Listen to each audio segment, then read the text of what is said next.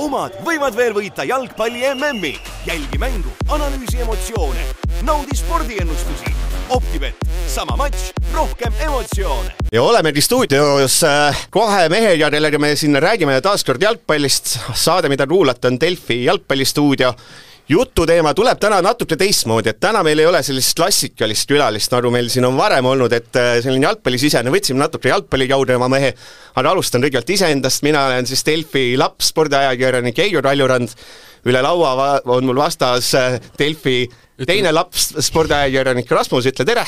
tervist, tervist! ja kolmandaks saate mõte on natuke see, et iga aasta, kui ma MM-i olen vaadanud, tulevad samad teemad, alati on pealkirjad samad, siis mõtlesin, et otsiks kesklinnast üles ühe vana mehe, kes on näinud viimasel poolel sajandil MM-e, viskaks talle ette ühe väite, mis on sellel aastal esile tulnud ja küsikski, et kas see vastab tõele või mitte, ehk siis see, see vana mees, kes meil on, on siin Jaan Martinson, et tere tere, noh minu puhul on see hea, et, et ega ma ei mäleta eriti sedagi, mis, mis eile toimus, aga, aga noh, eks ma proovin mä-, mälus sorida, esimene mm, mida ma äh, põhjalikult vaatasin tõesti nii palju, kui näidati, oli tuhat üheksasada seitsekümmend, seitsmekümnendal aastal ja Brasiilia võitja. see oli vist neli-üks finaalis Itaaliat, et, et see oli äge. No see on ideaalne, palju sa sel aastal MM-i vaadanud oled, ma vaatan, et vaatan, et sa kirjutanud ei ole suurt midagi sel aastal, et no, lased noortel möllata suuresti.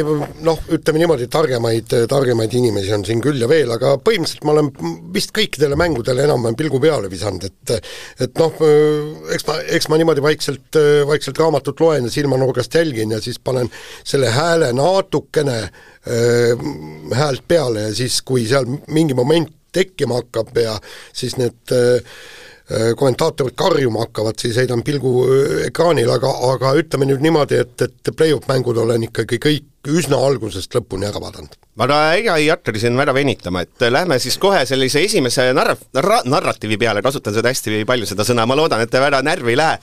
ehk siis natukene vihjas sellele ka Aivar Pohlar stuudios, kui oli jutt sellest, miks läheb MM paremaks, on see, et Aafrika jalgpall on läinud paremaks seda ütles juba umbes üheksakümnendad, ütles Pele, et kohe on äh, Nigeeria maailmameister, ehk see on selline kolmkümmend, nelikümmend aastat äh, üleval olnud jutt, ehk siis äh, kohe Jaan sulle, et kas Aafrika jalgpall on järgmisest MM-ist tipus, et kas sa, nii palju, kui sa oled mänge vaadanud, et kas nüüd on see hetk lõpuks käes? ei no kogu aeg on ju räägitud tegelikult, et Aafrika jalgpall tuleb ja hakkab panema ja millised mängijad ja milline areng ja kõik, et et noh, ma ei saa, ma ei saa nüüd küll äh, öelda, et ta oleks nüüd oluliselt nüüd viimaste aastakümnetega Aafrika jalgpall äh, väga, väga, väga just arenenud, kui me võtame mängijaid eraldi, siis jah, on tulnud tõesti häid mängijaid, kes maailmas äh, ilma teevad, aga, aga seal on äh, noh, teatud probleemid on ju selleks, et mängida hästi jalgpalli, punkt üks, sul peab olema jalgpallikultuur,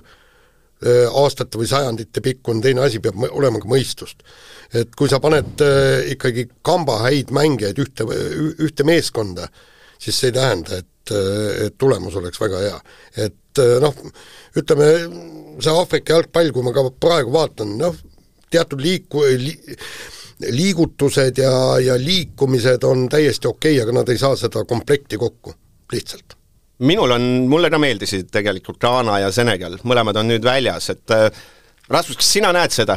see meil, äkki keegi kirjutas ka selle, et Aafrika, Aasia on sellel MM-il tõestanud, äkki oli meil, äkki oli kuskil mujal, et on nüüd tõestanud, et on teinud selle sammu Euroopale lähemale. kas sina näed, et see vahe Euroopaga on väiksem?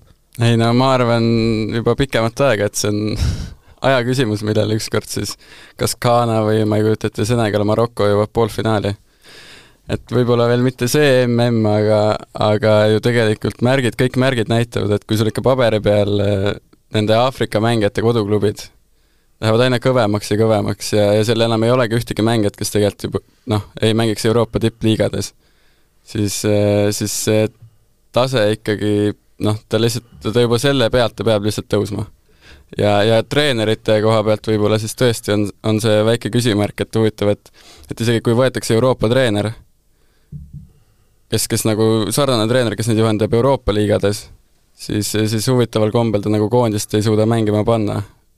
mängijatest, kes tegelikult kõik mängivad Euroopas. no fakt on muidugi jällegi see, et eks ole, et eeldatavasti kui see saade eetris on, selleks ajaks on Hispaania Marokost üle sõitnud ja meil kaheksa seas ei ole jällegi ühtegi Aafrika tiimi. et see on kuidagi, ma arvan, et juba üheksakümnendast aastast äkki oli Kamerun, kus oli, et äh, nii vägev, et see võiks ju nelja sekka tulla ja lõppkokkuvõttes on ikkagi see, et kui läheb kohamängudeks, siis äh, Aafrika ja noh, tegelikult mööndusegi gaasi ikka lõpuks kukub, eks ole, et ja ma, ma, ma ise arvan ka, et, et äh, kui, kui Rasmus on ka kuuekümne kahe aastane ja sa kutsud ta siia stuudiosse ja küsid, küsid sama küsimuse, eks, et siis, siis, siis ta vastab täpselt nii, nagu mina, et, et noh, aega võib minna kui palju tahes, aga Aafrika ikkagi nii tipptasemele ei jõua ja kui me räägime headest klubidest, siin on äh, kõiksugu jaapanlasi ja edasi jõudnud ja keda veel, ja kui sa vaatad, et kus klubides nemad mängivad, Austraalia, eks, ja no kas siis on siis nii meeletult vägevatest klubidest?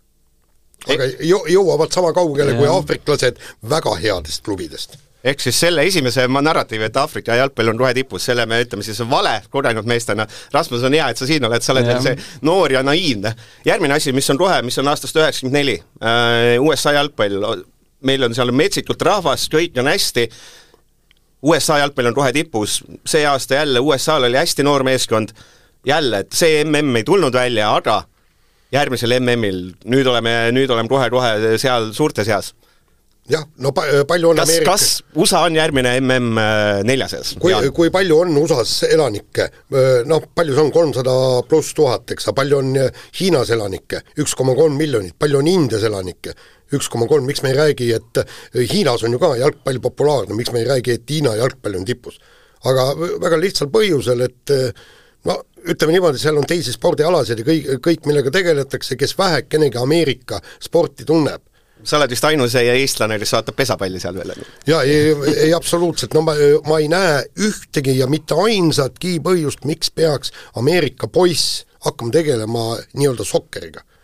ja, ja, ja tõesti, kui nad suudaksid, aga jalgpall on liiga suur ala selleks, et panna kokku eksperimentaalkoondist, nagu kunagi pandi võrkpallis. see oli ju täiesti, neil võrkpalli ju no ei, Ameerikas maailma mõistes ei olnudki Los Angelese olümpiamängudel korjati rannast äh, noormehed kokku, pandi eksperimentaalkoondis äh, paika ja nendega treeniti ja nendega aastaid ja aastaid veeti sellega välja.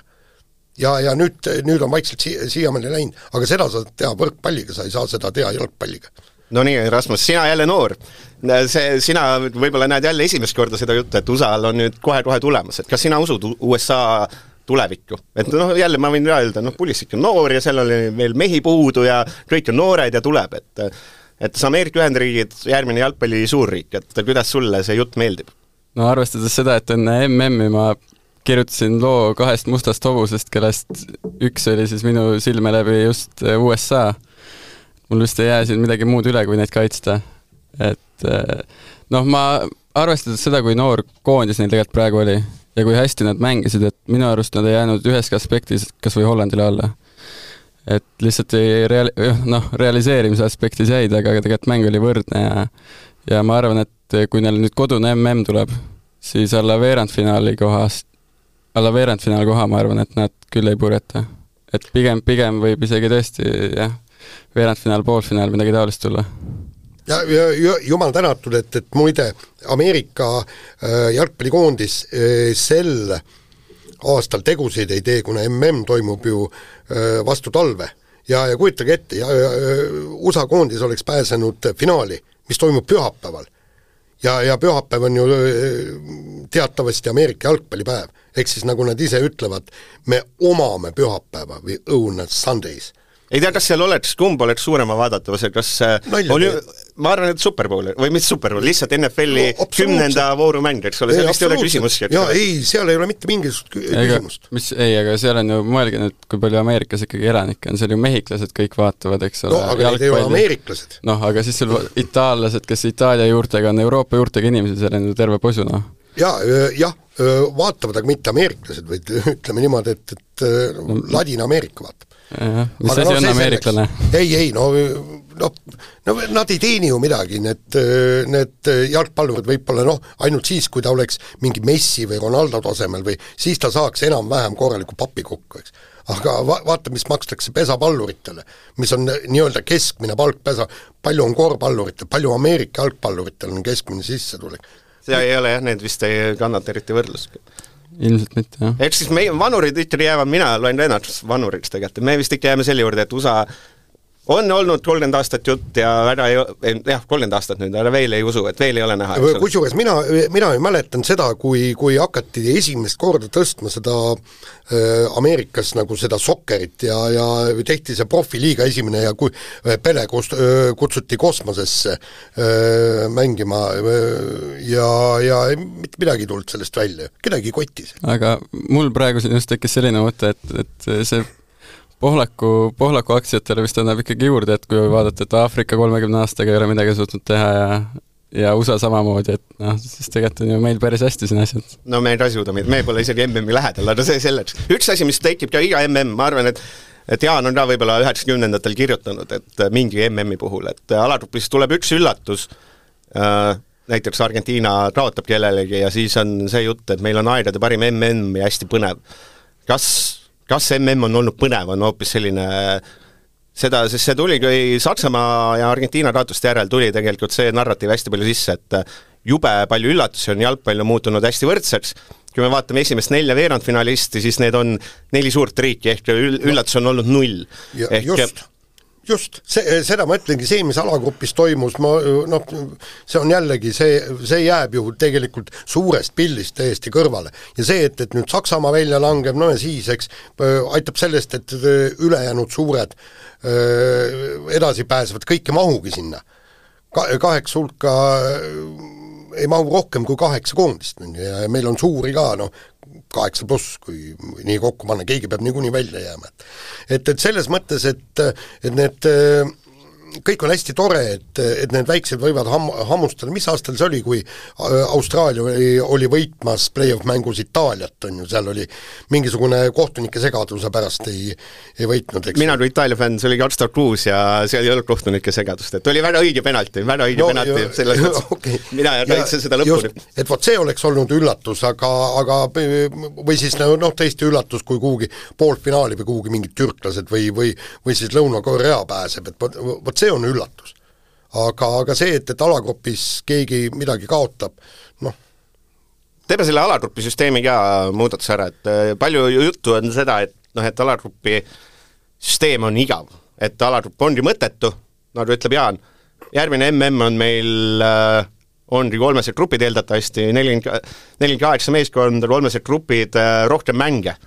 kas, kas see päästab alagrupi no mulle isiklikult eh, kolmesed alagrupid meeldivad, aga, aga võib-olla see riikide arv võiks ikkagi väiksemaks jääda, et, et just kolmestel alagruppidel minu arust hästi positiivne on see, et viimases voorus siis ei saa need suuremad riigid hakata oma mängijatele puhkust andma ja siis selle arvelt ei, ei hakka keegi enam nagu kergelt või, või pooleldi ebaausat punkte teenima.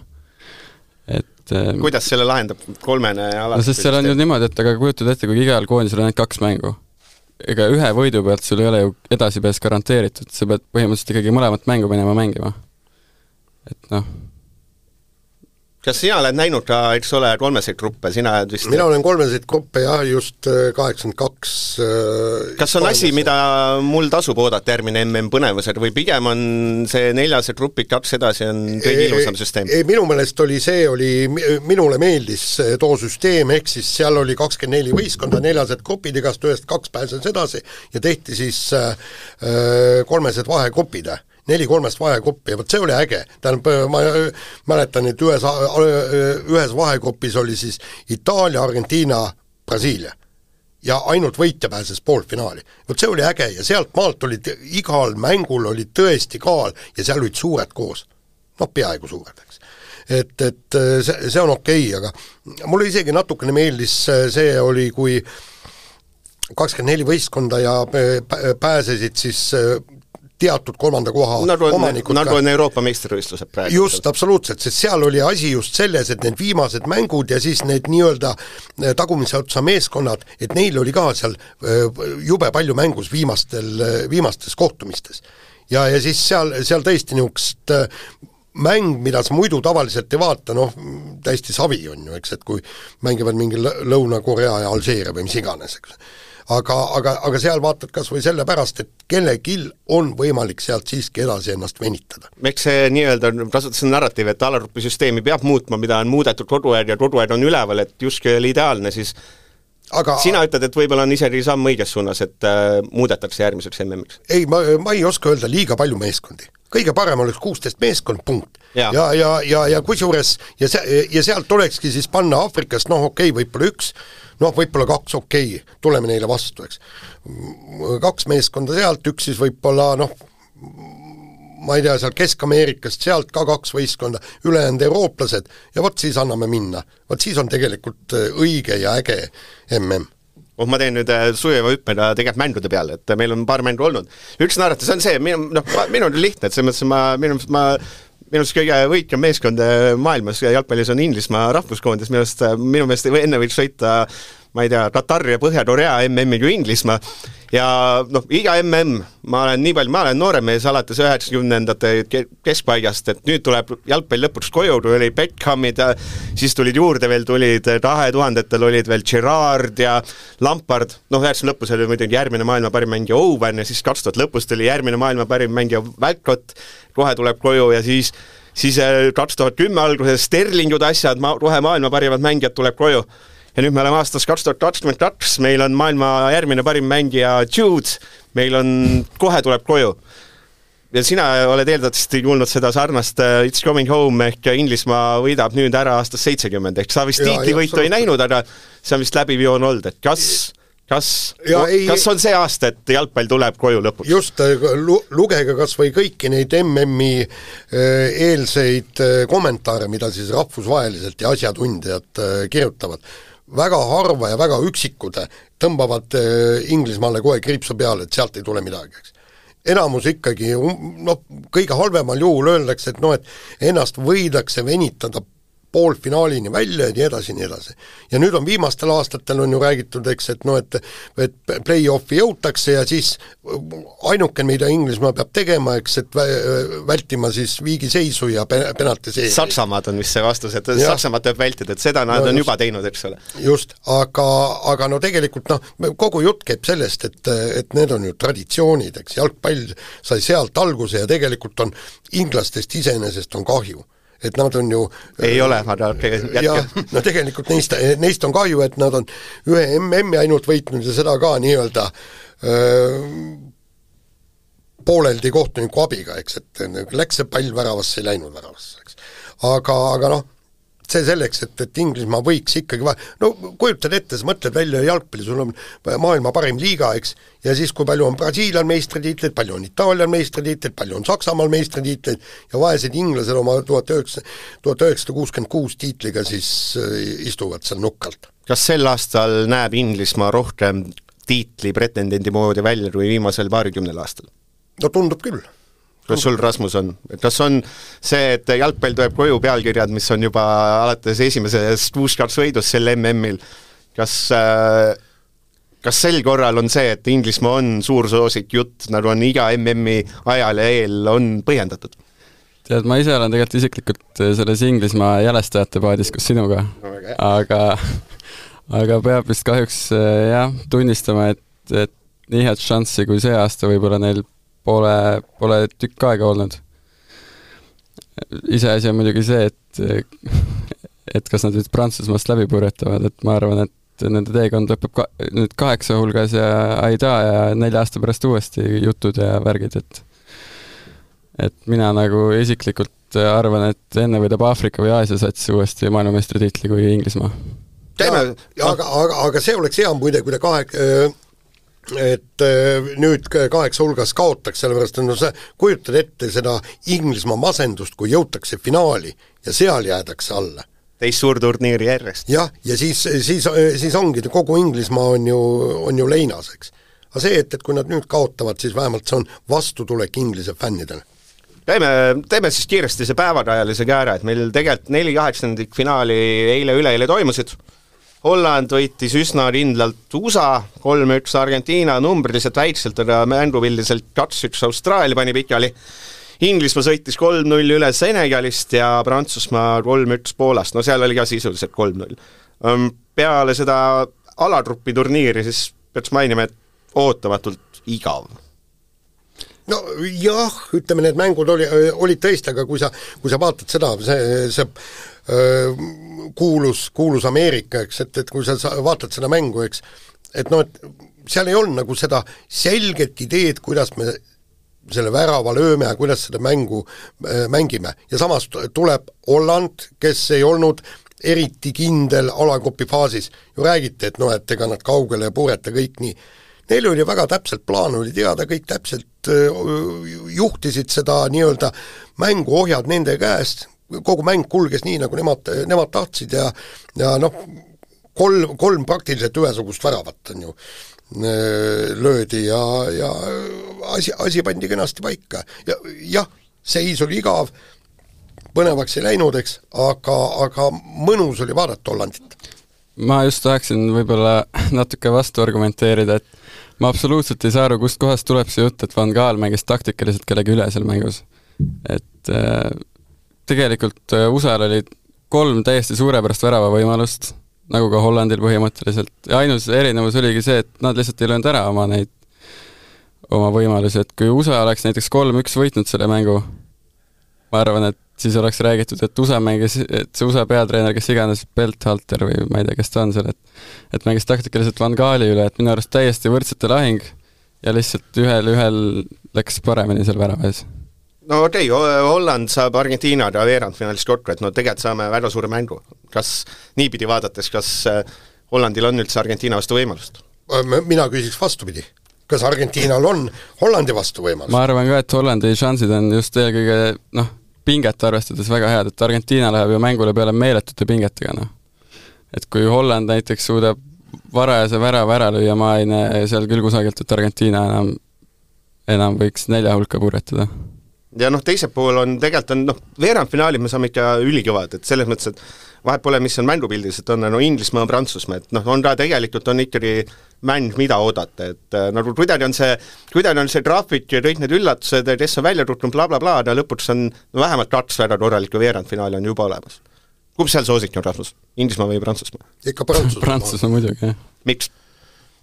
No. seal kas või mängupilti vaadates, vaadates koondise nimekirja minule isiklikult vähemalt tundub nii, et mida rohkem Premier League'i mängijaid koosseisus on, seda halvemini koondisel läheb, et et jah, ma nagu ei näe, et, et Inglismaa selline kaotaja mentaliteet võiks, võiks prantslastele vastu saada nojah, ma, kui sa vaatad, et kuidas need Inglise väravad, väravad tulid, eks, et kiire pikk ette, seal, seal rahulikult tehti ära, eks, et ma, ma miskipärast arvan, et Prantsusmaa kaitse juba on, on natukene tugevam ja, ja jõulisem, et no ja mis meil täna on viies? Äh,, täna on kaks mängu, kus selgub, kas, äh, kas veerandfinaalides on ainult Euroopa ja Ladina-Ameerika, et äh, üks on Jaapan, Horvaatia, teine on Brasiilia, Lõuna-Korea, et kas, kas te näete, et äh, Jaapan võiks Horvaatiast äh, üle sõita või et äh, Lõuna-Korea Brasiiliat äh, hammustada.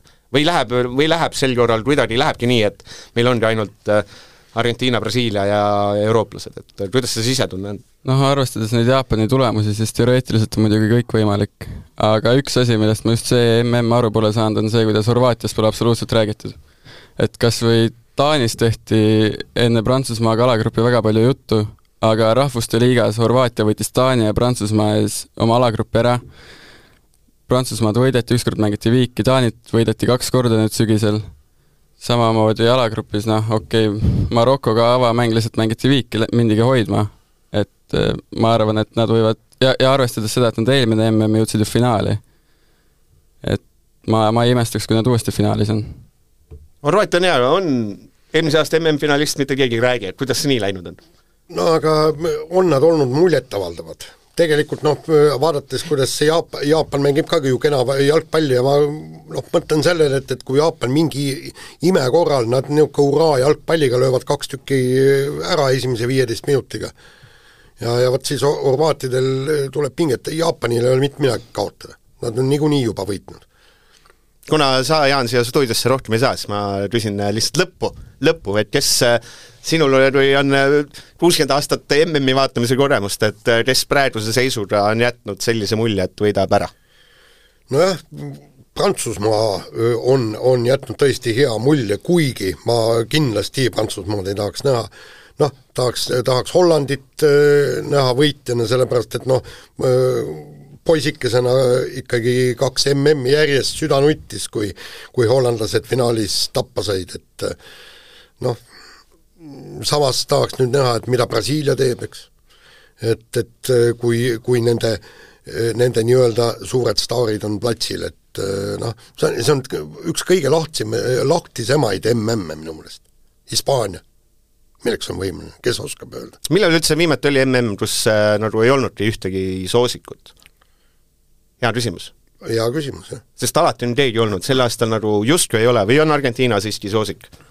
Argentiina või Brasiilia? ma okay. pole Argentiinasse kunagi uskunud isiklikult. et ma ei tea, kust see jutt tuleb, aga Brasiilia ma arvan küll, et on, on ikkagi koos võib-olla Prantsusmaaga soosik number üks. no siis meil finaal on selge, selge, väga lihtne, noorem põlvkond teab, kust asjad käib, selles mõttes on hea lihtne. aga ei, ei, aga selles suhtes ma ütlen, et Hispaania võidab, noh siin pole nagu kahtlust. et kõige, kõige tugevam Euroopa koondis üldjuhul võidab ja, ja ma arvan, et see aasta pole erand. Hispaaniaga oli ka see huvitav, et kui, kui tuldi maailmameistriks, siis no oli juba ette teada, et Hispaania on nii kõva ja ja võidab ja võitiski, et aga nüüd ma nii ei julgeks öelda. vot sellised kiired jalgpallijutud olid, täna siis äh, saime natuke, vaatasime tagasi-edasi juttudele, ehk äh, on jalgpalli mm läinud korralikult käima, pole mitte midagi öelda, kuigi oli alguses hirm, et äkki äkki, äkki see Katar ja kõik muu ja see mm, et äh, talvel ei lähe peale, siis tegelikult on äge. lubab ägedaid veerandfinaale, on ägedad kaheksandad finaalid egas midagi, et selline oli meie tänane saade ja kohtume juba lähipäevil uuesti. omad võivad veel võita jalgpalli MM-i. jälgi mängu, analüüsi emotsioone, hinda vigastusi, vali meeskond ja võida FIFA maailmameistrivõistlused. Optibet, sama matš, rohkem emotsioone